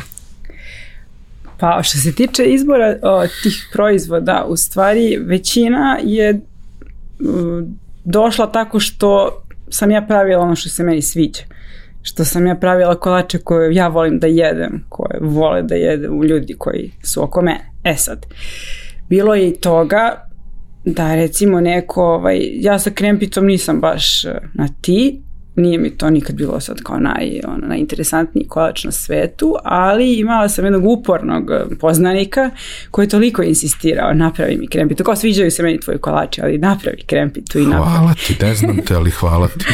I ja kažem, dobro, ajde napraviš ti krempitu i sad ajde kao, znaš, jer ja kad zamislim krempite neke iz vremena to, kad smo bili mali pa ideš u tih pet poslastičarnica, to meni liči na ono, na pihtije koje baš i ne volim. Ono, kolač koji se malo trese, dosta ovaj, nekog krema koji ume da bude i tako kao anemičan, nezanimljiv i sad ja ovaj, krenem da istražujem pa da napravim neku krempitu koja će ipak imati karaktera I eto, tako je sad nastade ta krempita, onda su probali opet i drugi ljudi, kao strava je i zaljubili se mnogi i ne mogu ja sad da kažem ja to neću da pravim. Neću ja uzeti da pojedem taj kolač, ali evo, ovo je krempita iza koje ja stojim i ona je tu ovaj, ono proizvod koji će se uvek naći u našoj vitrini. A ovaj, onda recimo sahir torta, to sad navodim primere koji nisu francuska, ono što, de, dalje, 80% je francuska. E, pričat ćeš da, i da. onome šta jeste francuska, čisto da objasnim da. koji su to kolači, ali ono što je meni to nekako bitno, znam da zvuči suludo, ali meni se ta krempita i ta sahir torta uklapaju u to, iako se ne uklapaju. Ali u mom slučaju, kad ja to sve pogledam sa strane, to ima smisla. Pa mislim da je ta nit, u stvari koja povezuje u stvari te sve naše kolače i ceo pristup, eh, je to da su to kolači koji svaki kolač mora da ima neki karakter, da bude intenzivnog ukusa, da je jasno, da nije previše slojevito. Ne moraš, eh, kako da kažem, to nije fine dining, mi nismo restoranski ili kao kolač iz hotela i tako, nego ja volim onako da kad stavim taj zalogaj usta da mogu da prepoznam sve to što je u njemu i naravno da to sve bude jedna ova kao simfonija, mislim da, da, da, da uživaš u tome. Tako da ovaj, povezuje ih, mislim, isti pristupa, a različiti su i sa različitih podneblja, da kažem, kolači. Nije, Dobro. ništa nije tradicionalno domaće, da kažem, odavde, nema toga i, i većina francuskih, da kažem, pošto su to negde najzem. Da, ali i mi osluškujemo nekako ljude, evo sad i ti, malo pre smo pričali o nekim ovaj, novim proizvodima, pa si rekao nešto šta misliš da je super i onda meni to ostaje u glavi i njoj ostaje u glavi mi ćemo to sigurno probati da dobijemo i tako nekako ako nam se to svidi i ako još neko pokaže interesovanje, on ostaje da se prodaje. A i... U ovom trenutku više nije stvar da kažem, imamo taj neki kor kao proizvoda, a ovaj, ne možemo baš da se zezamo pa da pravimo nešto što se uopšte ne prodaje ili samo se meni sviđa, nego ipak je to sad neka, da kažem, mala mašinerija od, ne znam, 13-14 ljudi, Ovaj, tako da sve to što, što dolazi kao novo, kao probe, tu stvarno sad uključujemo dosta ovaj, i to kako ljudi reaguju im. Mislim. Ajde mi samo izlistaj šta zapravo spada u taj standardni asortiman. Standardni asortiman, dobro, makaron se spomenuli smo više puta, to nam je, da kažem, Nema mnogo, prepoznatljiv. možda dvadesetak ukusa. Ali, Da. pa da, I svaki 17 krem se kuva posebno. Ovaj, tu su ekleri, uh, pet vrsta različitih, pa Paris Brest, tri varijacije plus letnja, ovaj, letnje izdanje sa voćem, pa ovaj, nekoliko vrsta tartova sa kremom, pa onda postoje oni franžipan koji su takođe u formi tarta, ali celi su pečeni, znači peče se i krem. Pa postoji galeta, to je sad treća vrsta tarta, tako da Ovaj, ima toga, recimo kod nas u vitrini postoje veganski kolači, sad kao to, kako da kažem, ne može se svrstati ni u jednu kuhinju, ali postoji potreba za tim.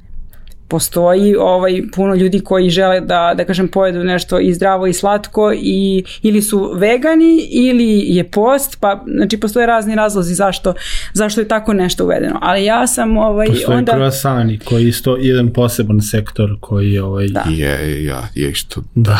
Da, krosani i, i sad razni proizvodi od lisnatog testa koje mi sami pravimo svaki dan, mesimo se, mučimo se. Tu sad ima dosta problema recimo sa tim variranjem kvaliteta same namirnice. Kupuješ istu namirnicu, pa nekad kad je stvar proizvodima od mleka, ona se menjaju prosto zbog sezone kako se hrane te ovaj, životinje i tako, ali brašno. Brašno je veliki problem njegova vlažnost, procenat proteina, mm, svašta nešto, pepela i tako dalje. Sve to utiče na krajnji proizvod i ovaj, koliko god kao ti radio isto svaki dan ne može, menja se stvar, ne izgleda isto. Evo sad smo baš u nekoj fazi ovaj, istraživanja i prepakivanja tog našeg krosana, tako da da, ima tu. Sad smo krenuli da radimo nekakve e, kremove, to je možda onaj najnovije. Inače pravimo, na primjer, za e, naš makaron sa slana karamela, mi pravimo taj karamel, kuvamo ga sami kao punjenje, a inače je to baš onako francuski klasik, znači da imaš da kupiš taj kremić, pa sad da li ćeš da ga mažeš na palačinke ili da ga jedeš kašikom, tvoj je izbor i ovaj, razmišljam da, da je to tako nešto postoji takođe u ponudi, super ljudi reaguju na to. Da. Da. Ovaj, tako da, eto, da. Probat ćeš donesem ti, ali jako je bitno, ja bih se samo uključio kada sada ti kao mušterija dođeš i staneš sa druge strane vitrine i došao si prvi put. Ja mogu da te pitam koji si tip kolača, šta voliš, da li je to krempita i da mislim da li je to vanila ili je čokolada ili je nešto voćne ili je nešto vegansko, mi možemo iz te vitrine sve da ti ponudimo.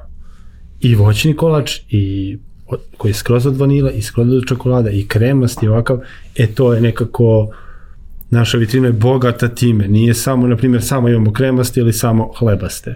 Tako da, Ali napraviti tu paletu proizvoda uh, svaki drugi dan, recimo, pošto je rok jako kratak, to je pak, mislim, za ne produktivnost. postoji ni jedan aditiv, ni jedan ono, produživač uh, ovaj, uh, Svežine ili tako, mislim, ništa ne radimo postoji. baš od- od I to su pravimo kolači koji traju tri dana i ako se ne pojedu moraju da se bace.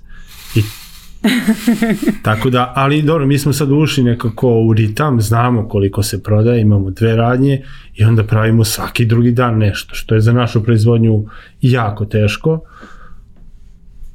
Ali Do, dobro, ali- volite Ali da- to je ono Da. zašto se ljudi vraćaju Da. i na kraju to, ja to ne želim da promenim, nije sad, e, postoje načini kako da se produži načini. svežina, kako da mašine u nekom sektoru zamene čoveka, ali to sve daje neku drugu dimenziju. Pa sad. Mm, dokle god ste vi upravo to mala zanatska vrhunska proizvodnja nečega podrazumeva se da radite stvari na taj način što isto znači da se podrazumeva da ne izgleda identično svaki kolač i da ta tekstura nije uvek 100% ista nego da postoji neka razlika ali da ne postoji razlika u ljubavi, trudu i svemu onom ostalom i što Senka kaže to mi je najbolje, mislim ipak je ona copywriterka na kraju dana stara, mi pravimo poštene kolače.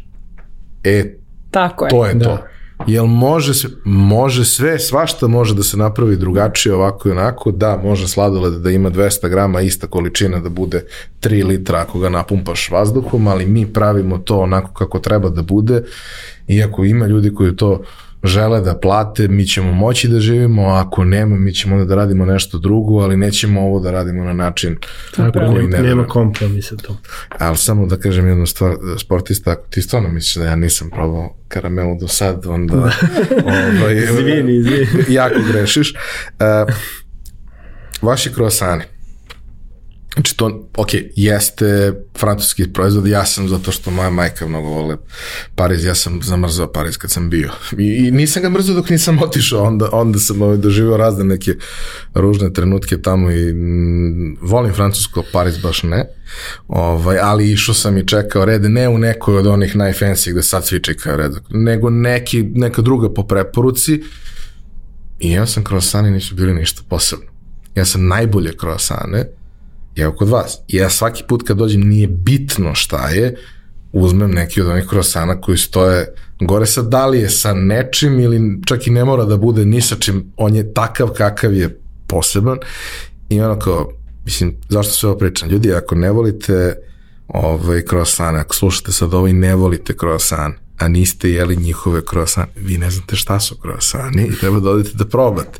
Wow. Pa ako vam se i dalje ne bude svidelo, to je okej, okay, ali onda ste bar probali krosane. Ovaj, I to je neverovatno, znaš, kao lisnato testo ima jako pežorativan kontekst kod nas. Mislim, mada svi volimo žužu i svi smo odrasli na žužu i, i svemu to. Ali ovo se topi u ustima i ukus koji ima uopšte nije onaj ukus na koji smo mi negde navikli, uz koji smo odrasli. Ono što se, vaši kroasani nisu pekarski proizvod. Oni se peku, I Da. oni jesu testo, ali nisu ono što bismo nazvali pekarskim proizvodom i to je ono što meni kao lajku, ali vrlo posvećenom konzumentu, ovaj, mnogo znači. E sad, tu ima još jedna stvar koja, koja mislim da je jako važna. Mislim, prva stvar, danas kogod uđe u vaš objekat, e, zna da je ušao na mesto koje je posebno. E, kada, kada sam prvi put video fotke pre nego što sam otišao, jer su mi drugari poslali fotke da se zaljubim, e, nagovarajući me da prekinem svoju djetu i odem da probamo, u čemu su uspeli. Znaš da si došao na mesto koje je posebno. Kada dobiješ spakovano nek, neke vaše proizvode, doneli ste domaćine ljudi, fini ljudi iz Čačka, doneli ste, ovaj, to je nešto posebno. Naravno da je vrlo značajan deo svega toga činjenica da su vaši prijatelji iz detinstva metakliničari koji su najbolji dizajn studio u gradu i koji osim što su vanredno dobri u svemu tome što radi profesionalci, ovde to rade iz ljubavi prema vama, a i sa tim da vi imate poverenje prema njima, oni imaju poverenje prema vama, pa jedni drugima verujete da nešto treba da bude tako zato što oni misle da to treba, oni znaju, ja ne znam, ali oni znaju i ja verujem da oni znaju i na kraju to bude dobro. Ovaj, ali ne možete da pravite sve proizvode koje imate u, u, u radnji, a morate da imate i sve prateće stvari koje, koje su tu potrebne. I vrlo često kada pričam sa ljudima koji to su našli pet stvari koje rade fantastično, ali da bi biznis imao smisla moraju da imaju još pet ili sedam nekih drugih i u tih pet ili sedam nekih drugih stalno imaju problem, jer ok, ako je ono, e, ako je Coca-Cola i pivo, mogu svaki put da imaju isto, ali ako je bilo šta drugo što je u saradnji sa nekim drugim malim proizvođačem, kraft proizvođačem, znači ja stalno kažem, kad upoznaš uh, nekog ko je mali, probaš proizvod, probaš proizvod i oduševiš se, onda upoznaš nekog ko je mali u roku od 5 minuta ti bude jasno zašto je mali.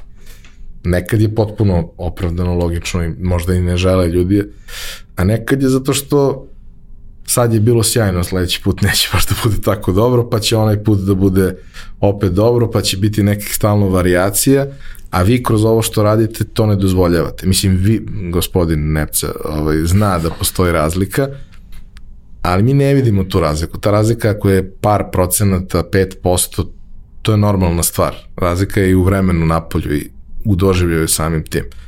Ali kako napraviti ono što okružuje tu celu priču, kako napraviti, ne znam, dobru kafu, kako se razumeti u sve one ostale stvari koje su ti potrebne da bi to iskustvo bilo zaokruženo, jer kolač je kolač, ali kolač pojedeš za 3 minuta ako ga ne okružiš nekim drugim stvarima. Ko ćeš ti? Pa, do, dozvolit ću. A ti si treba da imaš kafanu. Da, da, da, mislim da je Pa, ovo mislim- pitanje za tebe. Pa ključni su ti prijatelji i ljudi koji će ti pomoći da to uradiš. Eto, ne znam, kao metaklinika se uh, potrudila da mi stvarno imamo vrhunski dizajn. Pa Milica i Aleksa su se uključili da nam ceo, isprojektuju ceo uh, Interior. interijer za koji smo nekako presrećni stvarno i to su isto divni ljudi koji su nam pomogli i zahvaljujem se ovim putem, ni- ne, ne žive sada ovde Oni su daleko, već Da. jako dugo. odselili su se i nekako onda piješ kafu na raznim mestima u gradu, onda upoznaješ neke ljude isto ludake koji, koji imaju ovaj, tako neke male specialty coffee i onda počneš sa njima da pričaš, onda kreneš da kupuješ tu najskuplju kafu od njih, onda ti oni preporuče koji aparat, onda se ti usavršavaš u svemu tome, grešiš naravno, pa ispravljaš, pa grešiš dok ne dobiješ nešto i nekako svaki proces je kompleksan, ništa nismo dobili na gotovo, sve smo morali nekako stepenik po stepenik i dan danas isto tako idemo. Ništa, mislim, mogli smo mi do sada sto puta da se povećamo i da, ne znam, kako se to kaže, franšiziramo i da Ali nije to ali ideja, ne? Nije nam to ideja. Nekako svaki korak pravimo tako što sto puta nešto probamo, pa kažemo ovo valja, ovo ne valja, ovo valja, dok ne, dok ne izbacimo u vitrinu i kažemo je sad možemo da ga prodajemo. Uh, isto tako, mislim, naše, naši kupci, naši, mu, naše mušterije, ovaj, pošto već znaju kakav je kolač, uh, to se desilo kada je postalo sve poslastičarnica, uh, odjednom se to očekivanje i preliva na te prateće proizvode i sad uh, za mene Da, je to je bilo kao kolač je glavni, kafa, voda, za mene je dovoljno, eventualno neka limunada, ali sad ta kafa, odjednom se očekuje da ta kafa bude jednako dobra kao i kolač, a to znači kao što je, ne znam, u svim specijalizovanim kafeterijama. Specifično je bilo što je naša radnja u tom trenutku uh, između kofeina, pražionice i kafeterije. Sve mušterije koje dolaze kod nas na kolač i na kafu, piju kafu na ta tri lokacije, gde dobijaju vrhunsku kafu, jer tamo su baristi, ljudi su se samo opredelili da se time bave, a mi možda ne možemo da isporučimo taj i onda je takmičenje, onda dobijaš svaki dan kritiku, e nije ti kafa kao pražionici. E, nije baš krema ovakva, Da, mislim, ti a mi krema, ne možemo baš uh, i da zaposlimo baristu. S jedne strane te to podstiče da bude sve bolja. A s druge strane ne možeš da sad uh, imaš samo baristu za kafu i posebno neko ko će da prodaje i posebno, jer smo još uvek mali, mislim ne možemo to da izdržimo. I nekako smo mi odlučili da to bude neka kafa koja je to, što bi rekao Senka, poštena. Kupim neko najskuplje zrno, kupim imam dobru mašinu, naučio sam osnovno kako kafa mora da bude i to ti isporučim. Sad, ako ne umem labu da baš da ti nacrtam, oprosti. Nije neophodno. A, ali ono što je meni omiljeno i što ću čak i ako sam ono u fazi kada ne mogu da jedem kolače, a doveo sam nekog, ono što ću sigurno da uzmem je neki od sokova. I naravno to počinje tako što Branko kaže a da probaš i šteta što ne prodaješ narkotike, bio bi jako bogat čovek, ovaj, ali počne tako i onda kao, pa da, šta je ovo, pa pročitaš na njemu šta je, jer ima simpatičnu etiketu i pakovanje i sve kao, dobro šta još ima od ukusa, pa uvek ima nešto zanimljivo. Nisam ja nešto taj što voli mnogo da eksperimentiše, ali ima nekih stvari koje su mi super. I onda sam shvatio da Mislim, sad kao ceo grad ima to mikseve, voća, ceđene, ovakve, onak. Ali niko nema sokove kakve vi imate. Odakle nam sokovi? Koja priča sa sokovima? Sokovi su isto iz našeg kraja, to je jedan školski drug o, Ivanin, koji tamo u Čačku, u Preljini ima presu i melje voća. I to je to. I sad on je pokušao u nekom trenutku sam da, da, da ovaj, to prodaje i Da napravi brand, da, u stvari. Mislim, to je pomogli su mu iz metaklinike, napravili su mu to, on je ušao u, u ceo taj uh, preduzetnički nekako posao, ali nije uspeo da, da, da izdrži do kraja, ima on svoj brand i to proizvodi i samo za nas cedi sokove. I nekako mi mu verujemo i znamo da tu nema aditiva, to je samo ono pasterizacija, voće je i ne znam, baza je, ne znam, 45% jabuka, a ostalo je voće koje tamo ima, malina, kajsija, breskva, I naravno opet uh, bio je bitan dizajn, staklo, mi smo to brendirali kao naš, piše tamo da ga, koga proizvodi kako se proizvodi. I često je čovjek pokušavao da odustane od nas ali ovaj nismo mu dali. I nekako i mislim čak smo ga i preporučivali kod drugih ljudi a on neće da pravi. I to je nekako stvarno osjećam to kao neku ekskluzivnost to što si rekao. Sok je dobar i mi ga imamo i imamo ga pod našim brendom i mislim ja sam srećan to se prodaje. Mislim ljudi kupuju ko, ko prepozna i ko ko osjeti taj ukus ne znam maline nije to 100% malina kao što bi ali nije ni ta cena Mislim, i iskreno, jeo sam, odnosno pio više puta. Ja ne volim 100% malinu, meni je to previše. To nije dovoljno kašasto, to, to je previše jako, previše intenzivno, nije nešto što će se meni svideti, ali u ovoj kombinaciji hoće. I kad me neko pita, a pitali su me par puta, pošto sam dovodio neku decu koja ovaj, ne znaju, o, nisu iz Beograda, ne znaju tu celu priču, rodbina neka i sve, i kao, I ja im kažem, probajte kida, pa kao, a što? Brate, ne znam da ti objasnim zašto, ali probaj i bit će ti sve jasno. Kao, pa, pa ali šta je tu toliko posebno? Pa posebno je što je to to. A ja nisam navikao da kad kupim nešto da je to to. Da, nego ovdje, je to u ovdje, principu to. da, da, da. Ovo je stvarno 45% jabuka i ne znam, 55% malina. I to je to, nema ništa više, nema šećer, nema konzervans, nema, nema ništa, pasterizovano, spakovano. I to piše na etiketi i to si kupio. Izbalansirano je nekako dobro. E sad, dešava se, ima tu i problema, mislim, pogotovo sad ova sezona pre, pre ovaj, uh, Ja mislim kad je posle... krenuo rat, da je tad nastala neka kriza sa ambalažom. korona. To... Aha, ko... A, sa koronom je nastala kriza tako što su maline skočile sada koštaju hiljadu dinara i što su se pojavile razne sorte malina i što je što ti što mislim ni on više nije mogao da nabavi pravu sirovinu, pa dobiješ neku malinu koja je bleda totalno. Ali onda mu mi to vratimo i on ponovo nađe novu i a onda je nastao problem i onda on odustaje od toga, pa kaže nema više stakla. Pa onda ja srećom poznajem tu komšinicu koji uvoze te flašice, pa nađemo staklu u čačku, pa Pa mislim, Ali kada je neki deo posla, mislim da je cijela, uh, da kažem, pitanja krenulo od toga na, tom, na toj liniji, kada neki deo posla zavisi i od drugih ljudi, naravno da se dešavaju oscilacije. Pa bilo je i sa ambalažom gomile problema, menjali smo dobavljače, da kažem, dok, dok nismo našli nekoga ko je partner ko razume šta na kraju treba da se isporuči i zašto je važno ako je kutija jedne boje da nema onu štraftu ovaj, koje, koja fali, znaš, koja, kao pa šta sad ima, to je jedna linija, pa nije to jedna linija, to je, to isto šalje neku, kao treba da nosi istu poruku kao i ovo što mi radimo, isti pristup, tako da. Nemamo puno, znači imamo od dobavljača samo taj sok i prodajemo neka vina od, od, od prijatelja i to je sve što imamo sa strane sladoled, sve ostalo mi proizvodimo. Bukvalno sve. E, ono što bih voleo da se dotaknemo, neću još mnogo da vas davim, ali Dobre. još par nekih bitnih stvari da, da prođemo. Prva stvar je, o, evo, prošle tri godine, ovaj, od kad je došao COVID, e, COVID je uzdramo svakog od nas i kao pojedince o tome kako je bilo sa strane vođenja biznisa i vlasništva u biznisu, da ni ne govorimo, ali verujem da je posebno bilo teško uh, vama kojima je jedan dobar deo biznisa zapravo taj um, ta duša koju daš nekome onog trenutka kada on sedi za jednim od onih uh, stolova i konzumira to nešto i niko tu nije došao da pojede 15 kolača. Je došao da provede 15 minuta u miru i da mu bude lepo, a toga nema i toga nema tri meseca i pitanje tokom ta tri meseca razmišljaš svako u nekom trenutku razmišljao da li će ikada više da se stvari vrate na ono kakve su bile.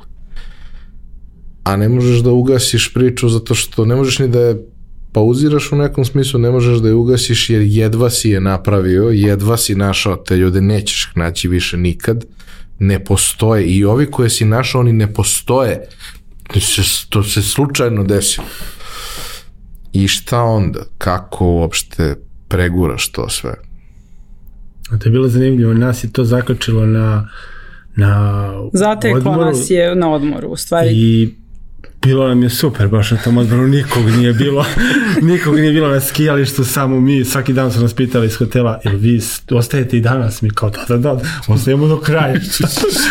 Dok nisu zatvorili žičaru i vraćamo se u Beograd i sad opšta panika, sedam dana je već Vraćamo se na zaključana vrata, sve tri Svi slušaju instrukcije, mislim, ljudi su uplašeni i sve razume. Mislim, ja ko inače ne razumem takve stvari, razumem u tom trenutku jer su ljudi stvarno uplašeni i stvarno neki ljudi umiru i teško je.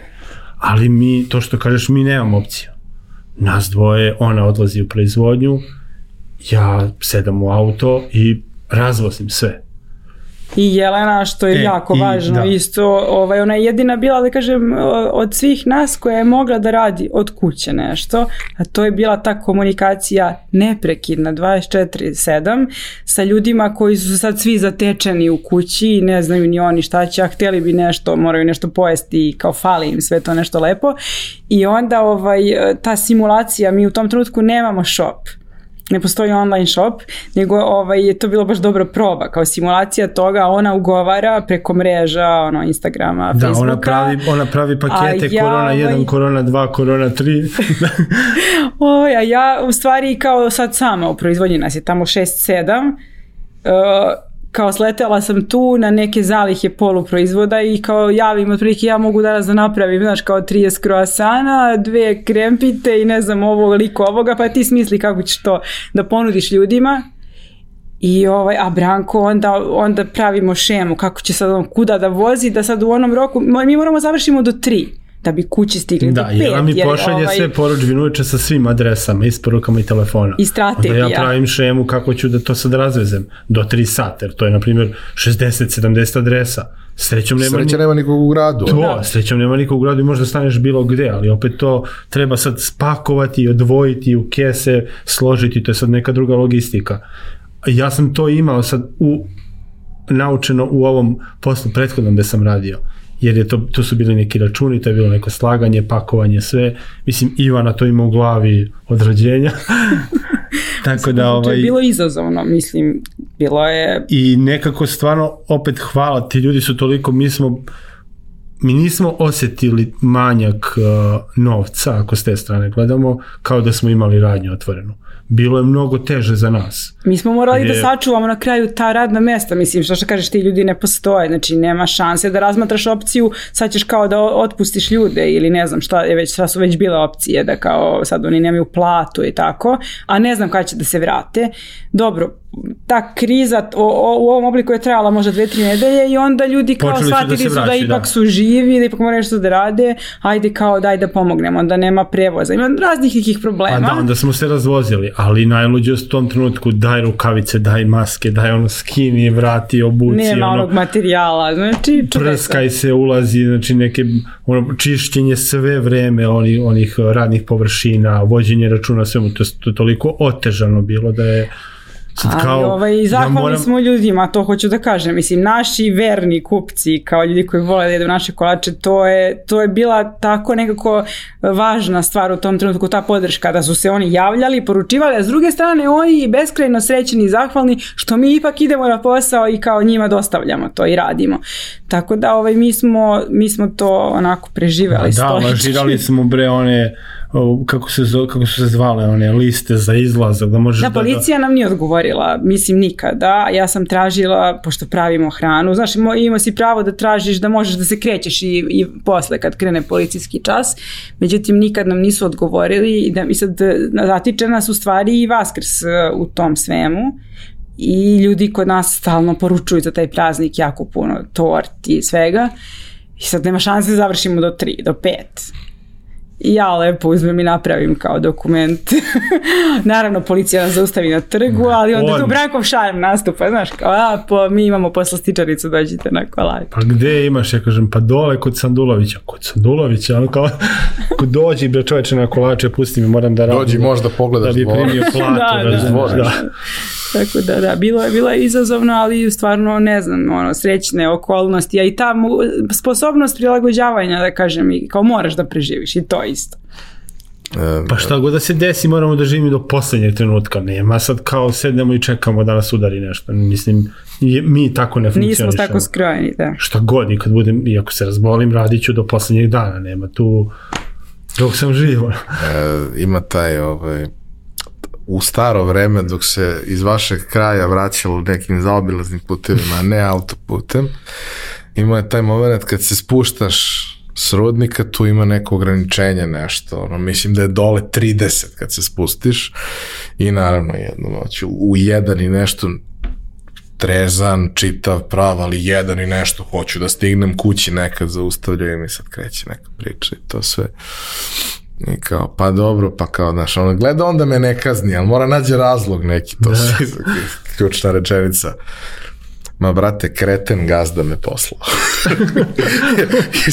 ja u principu ga nisam ništa lagao, je, ja jesam kreten što sam uopšte išao na taj sastanak Da. i što se vraćam u jedan ujutru, ali kao, ti onog trenutka kad mu kažeš tako nešto, vi odjednom postajete ono, Ortaci. ortaci. ortaci, vi ste sa iste strane, ono, borbe protiv Ma da, ali ti nekako, sistema. ja, ja stvarno sve te ljude gledam i dan danas, mislim i kad me, kad me za bilo šta o, o, policija zaustavi, to su sve neki ljudi.